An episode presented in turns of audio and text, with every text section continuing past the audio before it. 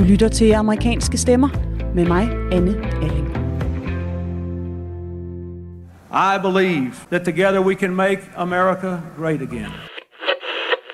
I can hear you. I can hear you. The whole world hears you. To those who are huddled around radios in the forgotten corners of the world, our stories are singular, but our destiny is shared. Sorry to keep you waiting. Complicated business. Complicated. I'm running because Trump is the president. And I think our democracy is at stake for real.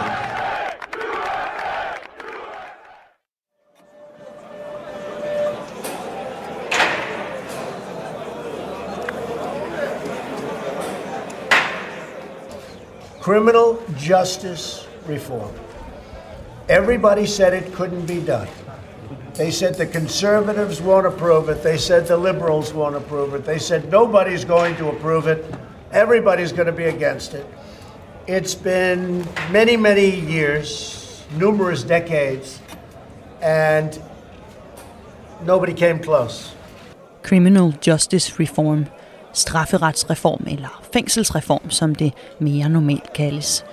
USA's sår, der aldrig heler, og problemet, som ingen politikere kan løse. According to the Prison Policy Initiative, the United States has the highest incarceration rate and the largest prison population worldwide, with about 2.3 million inmates. This is truly an American issue. When you're in prison, you're locked in. But when you return to society, you're locked out. You're locked out of a productive life. 2,3 millioner amerikanere sidder i dag i fængsel, og USA er så ultimativt det land i verden, der har flest indbyggere bag trammer. Mens amerikanerne udgør 5% af verdens befolkning, så huser landet en femtedel af hele klodens indsatte. Men så i 2018 skete der noget. The Senate has overwhelmingly passed a comprehensive criminal justice reform bill, 87 to 12. The First Step Act would bring a number of changes to the federal justice system designed to gut recidivism rates and help prisoners reduce their sentences. It's the kind of big bipartisan bill we don't frankly see very often out of Washington anymore. Congress has been trying to pass similar legislation for years, and as of a few weeks ago, it didn't look like it was going to get done. But it did, and credit where credit is due, this bill made it through the Senate because of President Trump. It could not have happened without him. Lige inden året rent ud, blev demokrater og republikanere enige om den såkaldte First Step Act. En lovgivning, som skal få flere amerikanere ud og færre ind i de amerikanske fængsler. Der var noget måben fra medier og eksperter, da Trump underskrev aftalen den 21. december i det ovale værelse.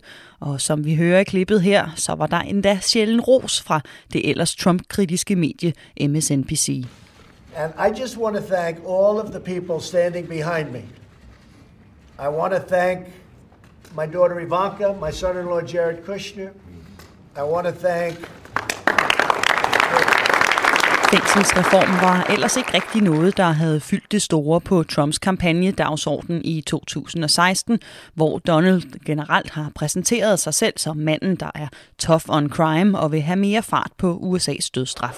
I would love to have a law. You burn the flag, you go to jail for one year. I would love to see it. I would love to see it. And we also believe that if you murder a police officer, you should receive the death penalty. And that's up to this. Men hans svigersøn, Jared Kushner, havde taget området til sig, efter at hans far selv havde siddet i fængsel, lød historien, og fik nu sin svigerfar overtalt til, at det var tid til at fikse problemet. Equality, equity, fairness, decency. These words are the basis for the American creed. That's why I propose a comprehensive criminal package in this campaign. It begins with passing the Safe Justice Act. My plan goes further. No mandatory minimums, the end of private prison, additional funding for drug courts, bail reform, no juveniles at all in adult prisons, mandatory treatment, not jail for those with drug addiction, decriminalizing marijuana, automatically Over hos demokraterne vil Joe Biden også løse knuden i de amerikanske fængsler og har en lang plan klar til, hvordan det skal gøres. Ligesom i First Step Act-planen vil han have gjort straffen for mindre forbrydelse kortere, og så vil han helt stoppe fængsling af amerikanere, der bliver taget for besiddelse af små mængder narkotika. Men spoler man lidt tilbage i arkiverne, lød det stik modsat fra Biden under 90'ernes war on drugs, hvor Biden var senator. It doesn't matter whether or not they're the victims of society. The end result is they're about to knock my mother on the head with a lead pipe, shoot my sister, beat up my wife, take on my sons. So I don't want to ask what made them do this. They must be taken off the street. Dengang var der ikke nogen kære mor over for de amerikanske kriminelle. Udgjorde man nogen som helst fare, var det ind bag trammerne. Men Biden har ændret sig, lyder det fra den demokratiske præsidentkandidat, og rivalen Trump er altså både de indsatte og de hårde straffes mand. Men hvad er det egentlig for et system, som politikerne prøver at fikse, og for hvem? Hvad gør livet bag trammer ved amerikanerne, og hvilke udfordringer møder fangerne, når de bliver løsladt og skal til at få livet til at fungere igen? Det er det, amerikanske stemmer handler om i dag, hvor vi skal høre om livet i og efter USA's fængsler fra de indsatte selv. Mit navn er Anne Alling. Velkommen til.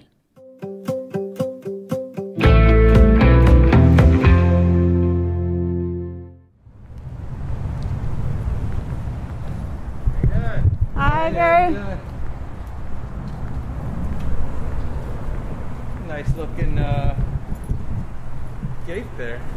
Well, it's, uh, it's the side from the old house. That's Mm. We're reconditioning it. We're gonna put it up on the side of the building. Oh, that's a nice little Saturday project. Jeg og min fotograf og partner, hvis stemme nogen måske kan genkende fra tidligere afsnit, møder Gary Schweckman en lørdag i Nashville.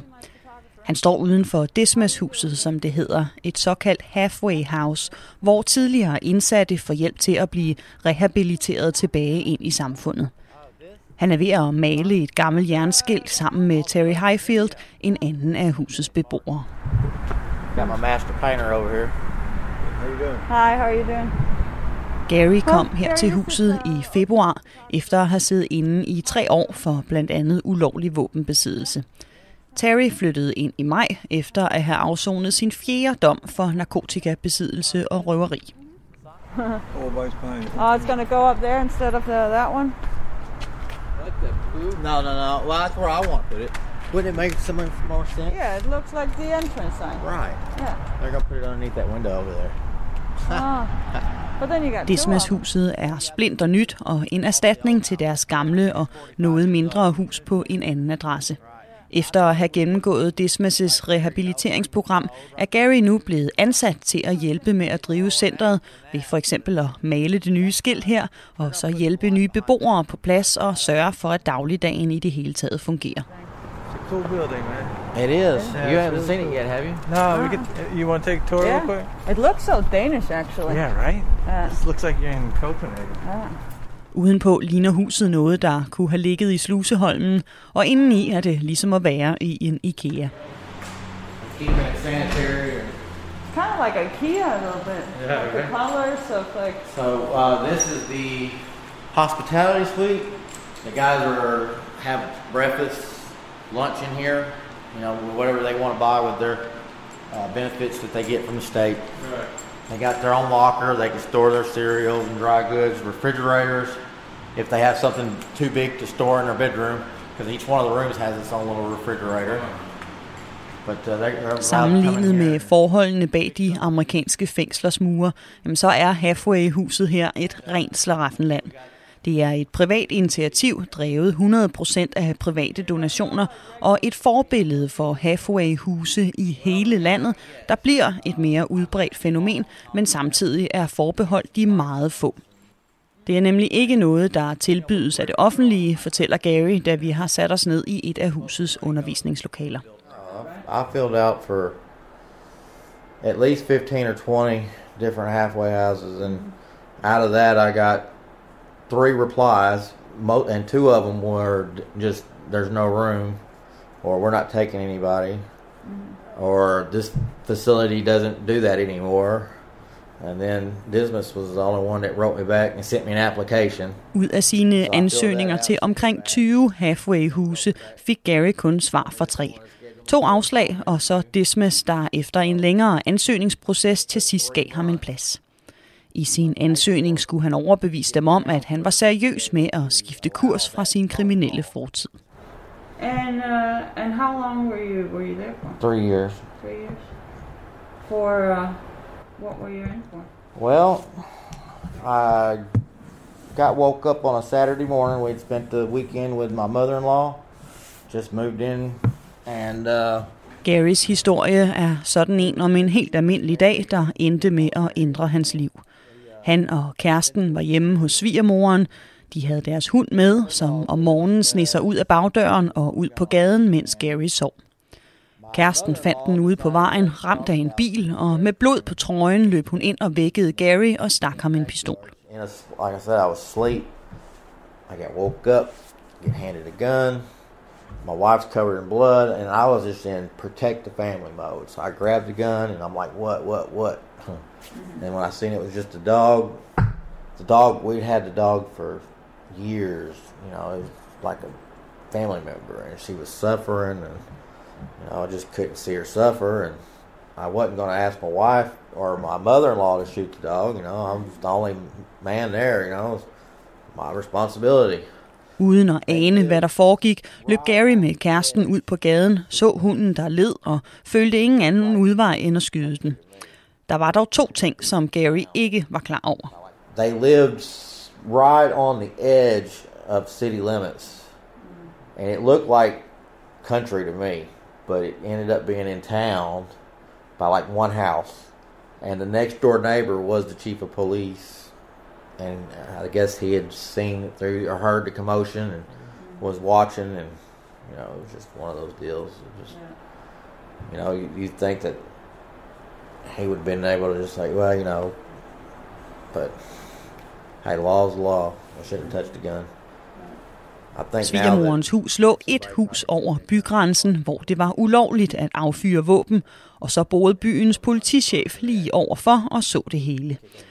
Derudover havde Gary faktisk slet ikke lov til at have et våben, fordi han tidligere havde fået en dom for spritkørsel, som endte med, at han kørte ind i et hus, og som klassificeret som en såkaldt felony. it was a crime to touch the gun. You know, should have never touched a gun. I've I've lost my gun rights the rest of my life. You know, as far as pistols and shotguns. You know, I can have a muzzle loader, but that's it. And uh, I knew I wasn't supposed to touch a gun, but it happened so fast. I, Forbuddet mod at røre skydevåben og derudover at affyre skud i et byområde gav Gary tre år i fængsel og gjorde, at han mistede alt. What kind of thoughts went through your head when they told you three years? Oh, I was sick. Just couldn't even add it up in my head. You know what? You know what that was going to be like. You know, 3 mm-hmm. years in prison. You know, most I'd ever done is a few days in jail. You know, and How do you feel like that has affected? how did it affect me? I lost everything I owned, and you know, my wife had we'd been married ten years, and she had never had to work. She's you know we married. She was twenty three, so she had never had much of an adult life either. You know, she uh, didn't ever pay no bills. I took care of all that. You know, she was spoiled, and now I'm gone, and you know she's left with kids and no income. So she got hooked up with some dude that got her to selling meth and you know trying to make ends meet, and then and she ends up with a felony charge and ends up in jail. So. Gary har altid haft et fast arbejde, som både han og hans kone levede af. Nu havde hun ingenting, endte i et nyt dårligt forhold, begyndte at sælge metamfetamin og røg selv i fængsel. You're, the whole thing is when you're in there, the time just stops. It's just dead. You've got too much time to think, and I think as you know, I guess it's the point of it, you know, is to think, and it made me think. You know, I, I really, I think I needed it, but I don't think I needed as much as I got. I- You know, but it was, it did me some good. Yeah. What did you feel like you needed? I don't know. I mean, a year. I think a year. At a year, I was I was done. I was I was broke. I was ready to go home, and not ever do anything else again. but at three years, I just felt defeated and really broke. De tre år i fængsel brød Gary ned. Efter et år var han klar til at tage hjem og aldrig begå en forbrydelse igen. Et år, som han i bagklogskabens lys faktisk mener, han måske havde lidt godt af. Men tre år var alt for lang tid, og er et af utallige eksempler på det amerikanske fængselssystem alt for lange straffe, mener han. I've seen people in there do six years for driving offenses. You know, been locked up six years for just driving without a driver's license. And that probably because they had something in the past. Or just kept on, kept on driving without a driver's license. It's called a habitual traffic offender. They had got so many driving without a driver's license that, you know, they just put them away, kept putting them away. Gary har siddet inde med fanger, der har fået seks år for at køre uden kørekort, fordi de er blevet taget flere gange, og deres dom derfor bliver ved med at blive større. De lange straffe for små forbrydelser er en af de ting, som den såkaldte First Step Act vil ændre på. Men her er det vigtigt at huske på, at lovgivningen er vedtaget på nationalt niveau, og derfor kun gælder de føderale fængsler, og ikke de delstatsstyrede fængsler, som huser mere end 90 procent af landets indsatte. I Garys øjne så handler systemet udelukkende om penge. Just free labor. It's it's money. You know, they're they're generating money for jobs in prison. You know, the guards and stuff like that, and you know, it's just just a way to funnel money into their pockets. Mm-hmm. Yeah. Was there some guy, something that you guys would talk a lot about? Oh yeah, yeah. Everybody, you know, we'd see it. It's it's just just a big shady business. Mm-hmm. Gary arbejdede under hele sin indsættelse. Først ude på en bondegård, hvor han fik lidt under en krone i timen for at hjælpe med malkning og registrering af produktionen i en masse Excel-ark. Derefter så fik han et arbejde som kok i fængslet, der betalte lidt under 2 kroner i timen. System that's tearing families apart. You know, I mean, there's got to be better better ways of handling the problems that we've got in society than putting everybody in prison. It's just you got all these kids growing up without dads or moms, and then what do they do? They end up in prison. So it's just an endless cycle this way. Got to be a stop to it at some point. Det amerikanske fængselssystem er i Garys øjne en ond cirkel drevet af et system, der ødelægger familier, og som man ikke har nogen reel tiltro til, at politikerne vil ændre ved. Jeg har igennem årene mødt mange tidligere indsatte i halfway-huse som det her i Nashville, og jeg genkender Garys opgivenhed med systemet og et generelt beskeden fokus på politik og valgkampe. For dem er der andre og mere nære ting at bekymre sig om, og igennem Dismas føler Gary endelig, at han har fundet en vej, der virker. 8 out of 10 guys that go through this program never see prison or jail again. You know, it's a lot better than without the program. I think it's like 70% go back to jail. Mm-hmm. So they're really making a difference, you know. I've seen guys, you know, doing their six, seven tour in there and in their 60s, 70s, mm-hmm. you know, talking about as soon as they get out that they're going to do this, this, this, and this, you know, because they, they don't have nowhere to go. Mm-hmm. They don't want out. 8 ud af 10 af Desmas' beboere lykkes med at komme ud af deres kriminelle løbebane. En skarp kontrast til resten af landets indsatte. Ifølge statistikkerne så ender faktisk tæt på 80 procent af tidligere indsatte i USA's delstatsfængsler med at begå kriminalitet igen. I de føderalt styrede fængsler er der derimod omkring halvdelen, der havner tilbage i kriminaliteten. En lidt bedre statistik, som især skyldes, at der generelt er mere og bedre hjælp med rehabilitering i de føderale fængsler, end der er i fængslerne i delstaten. This guy out here, you know, we went, we did the whole three years together, and I, I invited him down here when I got down here. I was like, look, you know, and then this is a place because I seen he's like in his fourth or fifth tour in prison. You know, I was like, seen this program, and I was like, you know, you need to come down here and maybe get your life right. So Yeah. we got him down here, and he's doing good. You know, so just got to keep him away from Chattanooga. Chattanooga and him don't get along. Terry, som Gary stod og malede med udenfor, er en af dem, der er blevet ved med at ryge tilbage i fængsel. Gary og ham sad inden sammen, og Gary har nu fået ham med ind i Halfway-huset for at hjælpe ham med at komme på rette kurs og holde ham væk fra hjembyen Chattanooga, hvor Terrys problemer startede og altid kommer igen. Hey, we thought you might need a, a break from painting out there. Yeah, I'm trying to knock it on out and get get the hang He's on one of the hardest workers around here. Oh, yeah? Yeah. We try to keep it neat looking. Okay, all of them, fill up and all really good. Terry er 62 år gammel og blev løsladt i maj efter sin fjerde dom og mere end 10 år i fængsel. Han har en virkelig tyk sydstats accent og fået en del fysiske knups af et langt metamfetaminmisbrug.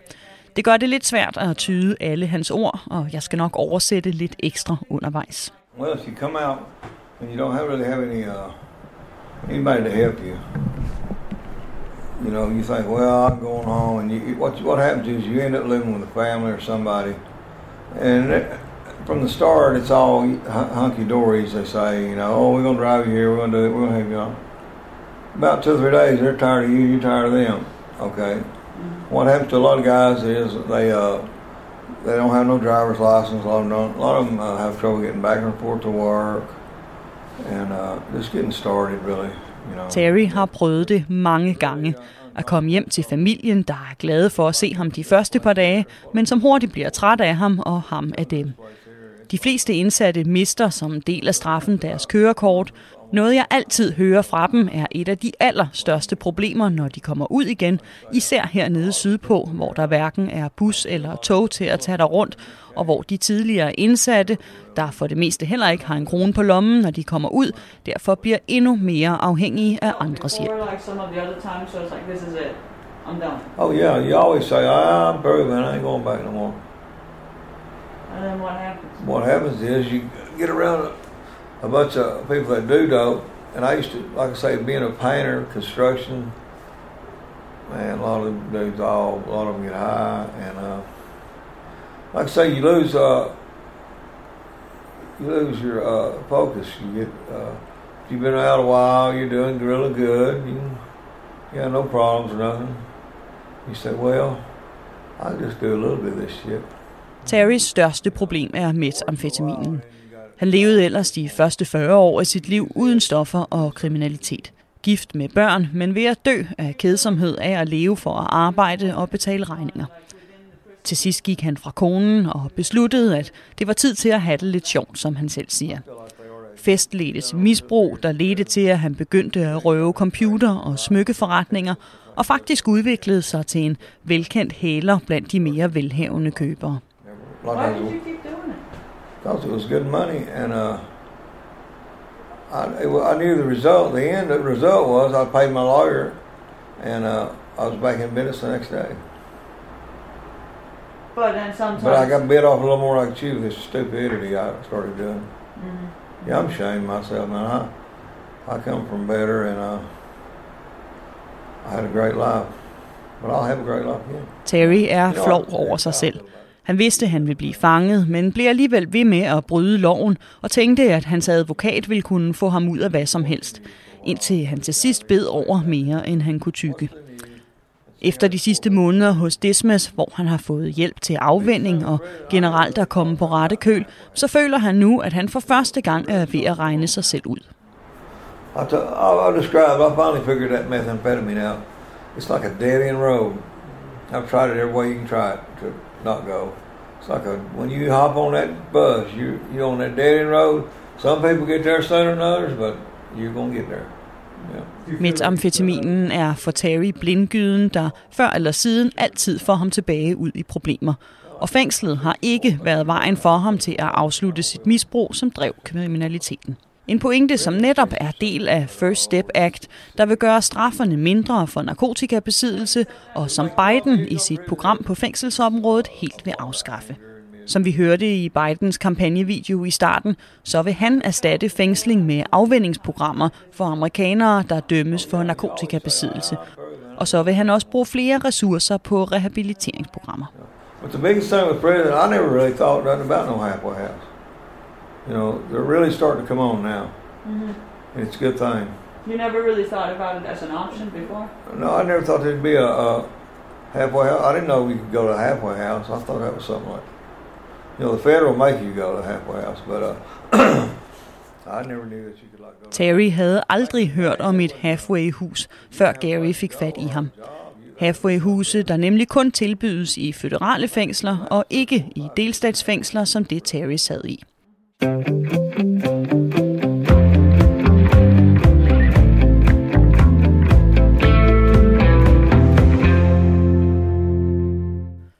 lytter til amerikanske stemmer, der i dag handler om livet i det amerikanske fængselssystem. Efter at have talt med de tidligere ansatte Gary og Terry nede i Halfway-husets mødelokale, så tager Gary mig nu med op på husets tagterrasse. Oh my goodness, look at this.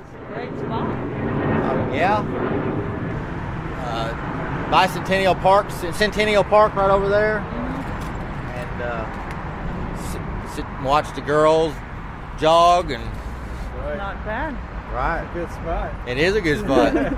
yeah, I spent a lot of time up here when I first got here. Heroppe er udsigt over hele byen.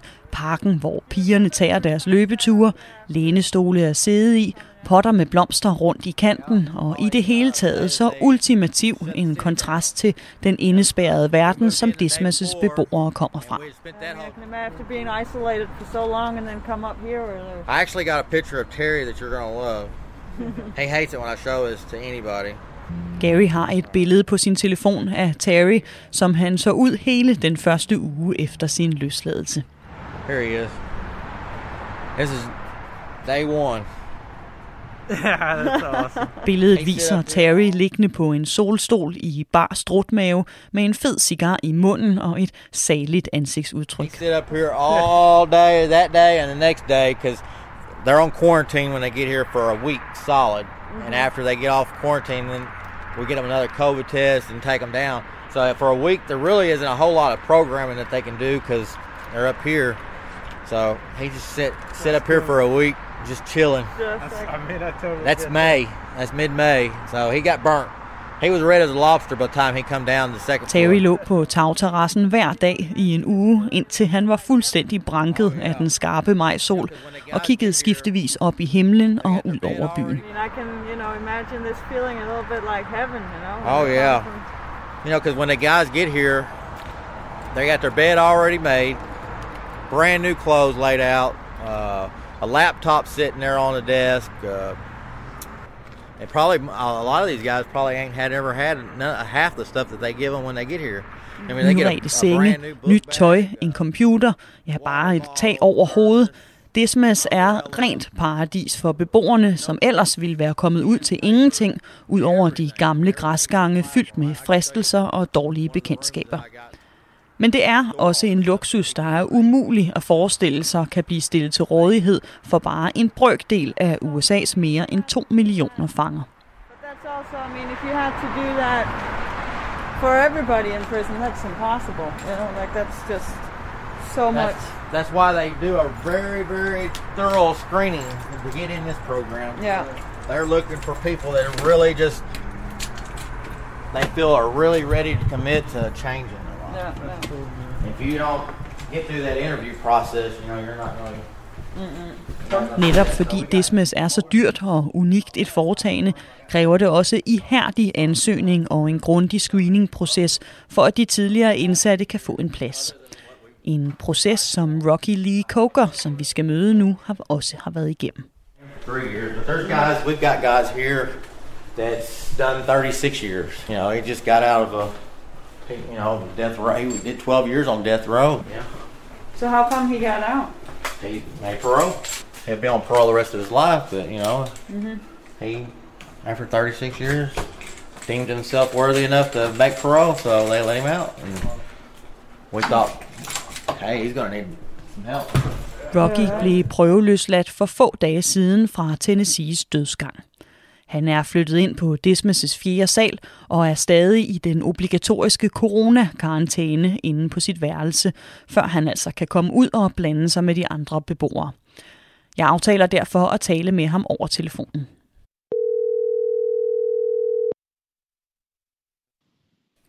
Hello. Hello. Oh, hello. Who's this? This is Anna. Anna. And this Rocky? Yes, it is. Good to good. Yeah, this is uh this is Anna, the the Danish reporter that Gary told you about. Oh, is that right? Mm-hmm. Okay. How are you doing? Okay. Where are you at? Uh, I'm in Nashville right now.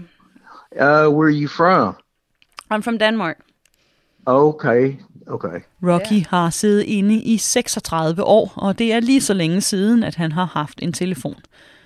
Efter årtiers kamp mod systemet, som vi skal høre ham fortælle om nu, så har han ikke meget tiltro til medierne i det polariserede USA. Efter at have hørt, at jeg er dansk, så vil han dog gerne tale. I got locked up. There weren't any cell phones. There wasn't an internet. There wasn't any of these things. And so, you know, it's been a, uh, I'm not going to say it's complicated, but it's just been a big step. Yeah. And I'm, and I'm just now getting started and I'm learning things every minute. You know, uh, you just don't, it's hard to believe every minute. I have to just try, think, you know, I just wonder, am I going to wake up? You Yeah. know, because it, it was, you know, coming from nightmares on death row to, to, uh, to sitting right here, uh, uh listening to, uh, music Yeah. and um you know and looking out a window instead of bars or whatever you know Yeah. and and uh so it's just uh it's it's a big step but I, you know Rocky må whatever- knibe sig i armen for at overbevise sig selv om, at musikken på hans værelse og udsigten over byen fra vinduet uden trammer ikke er en drøm. Han har været igennem 36 års kamp for at nå hertil. the, you know the the the the offense that you know for my being here was a first degree murder it was a contract killing uh you know and of course that's a long time ago Mhm. and uh you know it's uh if i could change anything at all i would change it all but Mhm. you know it, it i i can't you know you can uh you can't live in the past i can't look i can't look for my future in the past either so So so did you um did you plead guilty to to your sentence? no No. absolutely no, under no circumstances Mm-hmm. So no i had no i had a jury trial i was sentenced to death by a jury Rocky blev dømt til døden i 1984, dømt for legemord. Han har altid erklæret sig uskyldig, men juryen mente anderledes. Det er en lang, lang sag, og jeg har været igennem side efter side af retsdokumenter om Rocky. Hvad der endegyldigt konkluderes er, at Rocky var med til at planlægge et mord på en kvindes mand, en kvinde, som retten mener Rocky var kæreste med, men som Rocky siger, han ikke havde et forhold med. I wasn't hired. I was uh, I was I was implicated in Tennessee. You can be uh, punished as a principal offender if you even if you don't Mm-hmm. commit the the principal offense. And so I was the evidence just at, at, most uh, could only connect me with uh, with being an accessory. Mm-hmm. So you were involved, but but Uh, yeah, yes, but uh, yes. Rocky var involveret, som han siger, uden at ville gå helt i detaljer med sagen, og medvirken til mor kan i en stat som Tennessee give dødsstraf, selvom Rocky altså holder fast i, at han ikke var hyret til at myrde nogen. and this, so this was back in '84, right? Yes. Okay. And was that your first uh the first time your first time in prison? No, no. Uh, I prior to that, I'd served uh, some federal time for some firearms violations. Possession possession of firearms as a convicted felon, and then I prior and the reason I prior to that I served a state sentence for an, uh, an assault and uh, possession of explosives and weapons. Okay. Før sin dødsdom var Rocky tidligere straffet for besiddelse af våben uden tilladelse, og inden da for at have haft sprængstof på sig, da han endte i et slagsmål. prior to that, I was in the army. I kind of got out of the army in 1979, and and uh, you know I was just a little bit wild. I was still young and still a little bit wild, and you know when you're young and uh, you're wild and uh, get bored, things start happening, and and you know unfortunately I, I wish that hadn't happened, Mm-hmm. but none of it. But you know I can't, you know I can't. Milk's been spilled. I can't, you know. Inden sin domme var Rocky i hæren. En aftjening af sin værnepligt, der gjorde en vild ung vildere, som han siger. En vildskab han dog vendte til det produktive i fængslet, da han så snart han blev indespærret begyndte at studere jura hver dag, dag og nat for at få anket sin dom. Well, on death row, it was a level. There was a level privilege level program that if you, for lack of a better word, minded, you know, and did what you were told and mm-hmm. didn't kill anybody else or didn't do anything wrong. Uh, they would, you, without handcuffs, you could come out of your cell without handcuffs. You could go to a law library, library and law library. And Efter was, god opførsel fik Rocky mulighed for at gå ud af sin celle uden håndjern og ned på fængslets bibliotek, hvor han i løbet af årene på egen hånd tog en jurauddannelse. I've, uh, I've got an education in criminal justice. I've got an education uh, uh, as a, a paralegal. I'm now a certified paralegal in criminal law. I've been certified through two uh, national organizations, and and I've I've been involved in that profession since I basically since after I was in you know I've been pursuing it ever since I've been incarcerated. Mens Rocky studerede og tog alverdens diplomer, vendte de andre indsatte øjne af ham. They they used to that's what's wild about it. While I was getting an education, they were saying like they would say to me like, you know, what are you going to do with that degree? Carry it to the electric chair, and you know, and like I would tell them, I'm not going to the electric chair. You know, and there were a lot of people who felt that I was I'd lost my mind, that I was in denial, but I refused to accept it. I refused to accept it and and a lot of those people watch soap operas and watch television and ball games and you ask them what are you going to, going to work on your case no my attorney's got it you know you tell them your attorney's not sitting here and at the and at the and, you know best thing to do in the in the worst case scenario is say i'm sorry and your ass is still going to death row De andre indsatte synes han var skør. Hvad skal du med al den uddannelse? Tag den med i den elektriske stol, spurgte de ham, mens de sad og så soap operas i fjernsynet. Men Rocky kunne ikke se deres advokat nogen steder i gang med at hjælpe dem, og vidste, at han var den eneste, der kunne ændre sin egen dødelige skæbne. It's it's a it's a real scary situation yeah. to, to to try to fathom when in every night when you're when, every night when you're going to sleep and every night when, every morning when you wake up you wonder what if I run out of appeals see I had hver nat og hver morgen var Rocky bange for at han ville løbe tør for ankemuligheder Der er nemlig i dødstrafsager mange muligheder for at anke sin sag op gennem domstolene, som både gør en dødstraf enormt omkostningsfuld og også gør, at dødsfangerne ender med at sidde på dødsgangen i overvis og i gennemsnit faktisk langt over 10 år, før de endelig bliver henrettet. Eller før de, som i Rockys tilfælde, lykkes med deres ankesag. As soon as my case went out from the first tier down to post-conviction, I won a new sentencing hearing at the post conviction level at, the, mm. at that early on. And when I did, I mean, it took me 12 years to uh, to research and invest, reinvestigate the some mitigation that could have been introduced possibly at my initial trial. It could have made a difference. Det tog Rocky 12 år at researche nok til, at han til sidst vandt sin ankesag og fik ændret sin straf fra døds til livstid. En livstidsdom, som han derefter kæmpede i yderligere 14 år for endelig at få prøveløsladelse fra her lidt tidligere på måneden, og som han vil være på resten af sit liv. It's a, I'm an exception rather than the rule because mm-hmm. I, you know, when you go since I left uh, Riverbend, since I left Death Row, uh, been 13, 12 people that I one's up pending for December. 12 people that I knew have already been executed.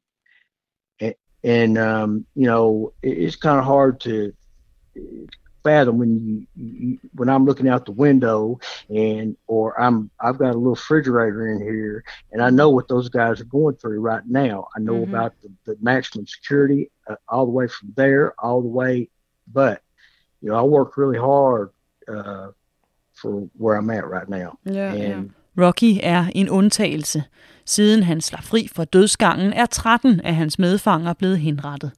Fanger, der havde mulighed for at anke, men ikke havde de samme ressourcer og stedighed til at kæmpe, som Rocky gjorde det. What do you think about the death sentence now after studying all this?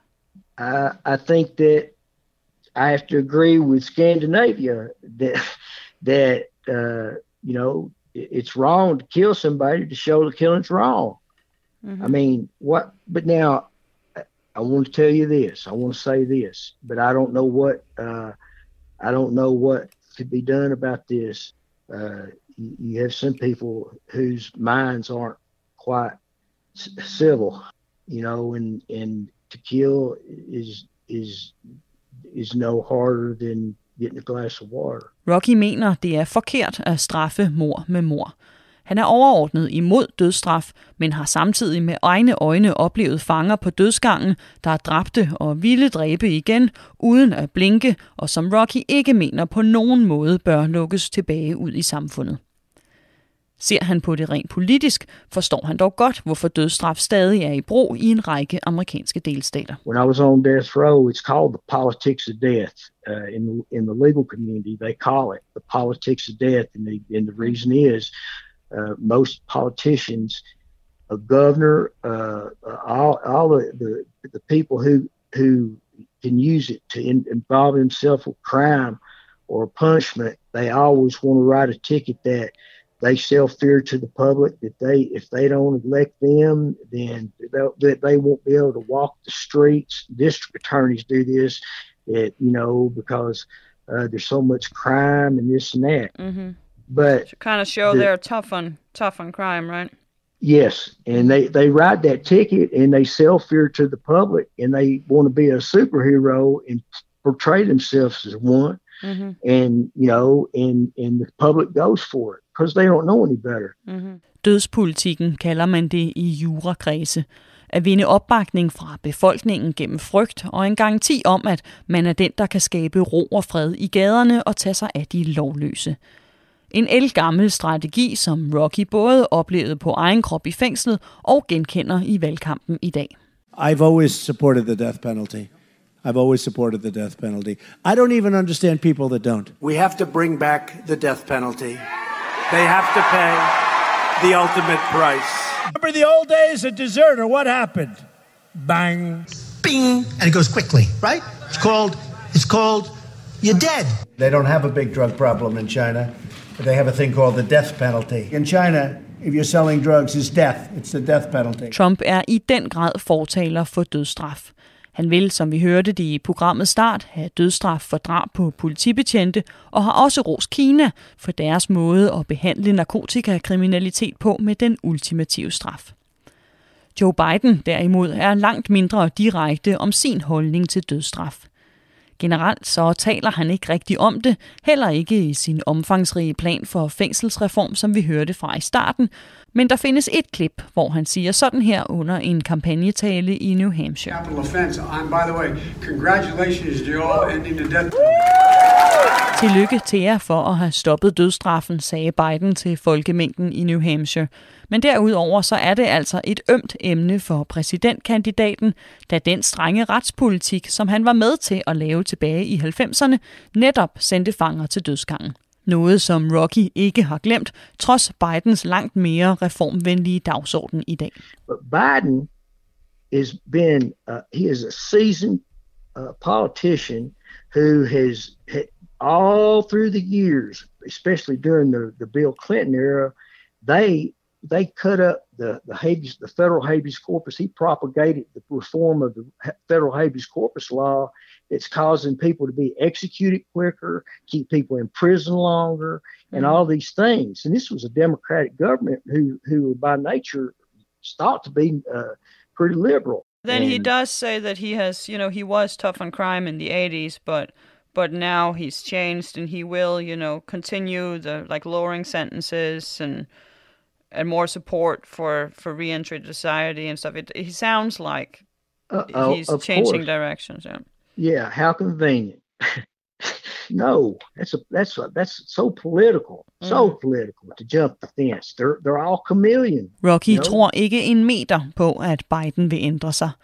Biden, som har været med til at skabe det system, som Rocky har været spærret inde i.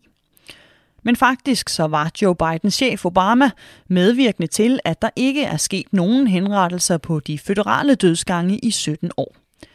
lige indtil her i juli måned i år, da Trump og justitsminister William Barr satte gang i henrettelsen igen. For the first time in 17 years, a federal prison inmate was executed this morning. Daniel Lewis Lee received a lethal injection in Indiana after the U.S. Supreme Court allowed the execution to proceed. He was convicted of murdering three members of an Arkansas family back in 1996, including an eight year old girl. Lee told witnesses this morning, though, that he didn't do it.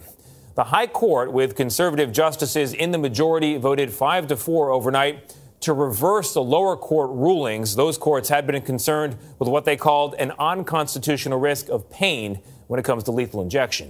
Obama bremsede henrettelserne på dødsgangene, noget som han ligesom med First Step Act altså kun kan gøre på føderalt og ikke delstatsniveau, hvor delstaternes egne politikere bestemmer. Det er henrettelser, som Trump-administrationen med godkendelse for højesteret nu har sat i gang igen, efter år med et stort fald i henrettelser både på føderalt og på delstatsniveau. Det er en politisk slåskamp, der også giver genlyd i befolkningen, som den amerikanske retsreporter Devlin Barrett her forklarer på PBS News. It's worth noting that decline in the state executions that mirrors public opinion, right? It really does. Like the, the height of support, public support for the death penalty, not surprisingly, came in the early 90s when the crime rate in this country was much higher. As the crime rate has gone down, frankly, this has become a less popular uh, criminal justice solution. And just to punch home that that trend, take a look at these numbers right here from the Pew Research Center. This shows public support for the death penalty back in 1996. 78% of Americans favored it. That has dropped down to 54%, still the majority of Americans, but a significant decline. And there's an interesting political split in, in where it now. Amerikanernes opbakning til dødsstraf var højest i netop 90'erne, hvor Joe Biden også kørte sin tough on crime politik. Dengang var tæt på 80 procent af amerikanerne for dødsstraf, hvorimod omkring halvdelen af amerikanerne i dag er imod. Et split, der i dag i høj grad deler sig på skældet mellem de to politiske partier. Now you see most Republicans favor the death penalty. Most Democrats don't. 10, 20 years ago, Democrats were much more split on the question of the death penalty. They're a little more cohesive now in their opposition to it. Det er i dag generelt sådan, at demokratiske politikere er imod dødsstraf, mens republikanske er for. Men for eller imod, så tror Rocky altså stadig ikke på Bidens forandring, og ligesom hos de andre fanger har han fokus på andre ting end politik og valgkamp. Nemlig at vende sig til den helt nye verden, som han er kommet ud til. The the other night we went to a, a Walmart, and I, you know, yeah, I mean, I. That must have been the wildest experience. Oh man, I, I walk in and I'm looking, I'm thinking, damn, does it end anywhere? And I'm thinking, damn, they sell cars in here. I mean, but, I mean, because you, they, you know, it's it, and but the people, and it- and I'm looking at these people, and I'm knowing in my mind they don't know where I just came from. Yeah. And I'm knowing in their mind they have no clue how lucky they are to be free Right. and walking around and taking everything for granted and doing whatever they're doing. And it's just, you know, they think it's a given and all this. Mhm. And I'm just looking at these people and, and, and just thinking, wow, you know, just wow. And and then the technology, people don't go through checkout lines and do like they used to do. They check themselves. And it just, it was just, you know, blew my mind. For Rocky er alting nyt. Kæmpe Walmart-supermarkeder med mad fra gulv til loft i kæmpe butikker, hvor man selv bipper sine varer, er ved at slå benene væk under ham og minder ham om, hvor heldig han og alle de andre frie amerikanere er. it's it's very regretful the significant loss of my lifetime that I've had to endure, and many many people that I've met along the way are no longer here. I mean, they've died from various natural causes, whatever, uh, death penalty, whatever, and so Mhm. I'm I'm fortunate on so many levels. I can't even begin to, you know, tell you. So, Yeah. but I, but I, all I know is I'm grateful. I'm grateful for where I'm at right now, and as far as what could be done, the uh, there, the, the other, there's many halfway houses in this state. Mhm. They they could learn a whole lot from the from the distance house.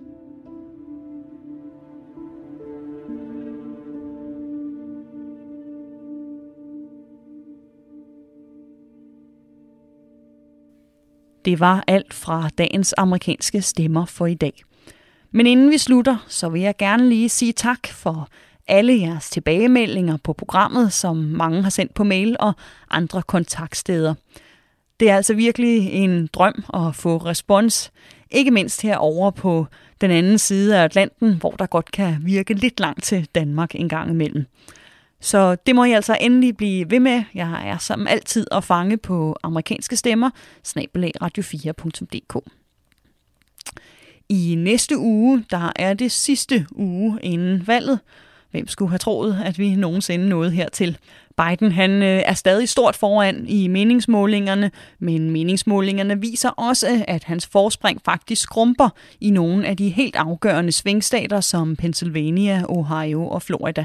Jeg tænker, at det er noget, vi nok hellere må se nærmere på i næste uge. Indtil da, tak fordi du lyttede med i dag. Jeg håber, du vil gøre det samme i næste uge, og til vi høres ved igen. Stay safe.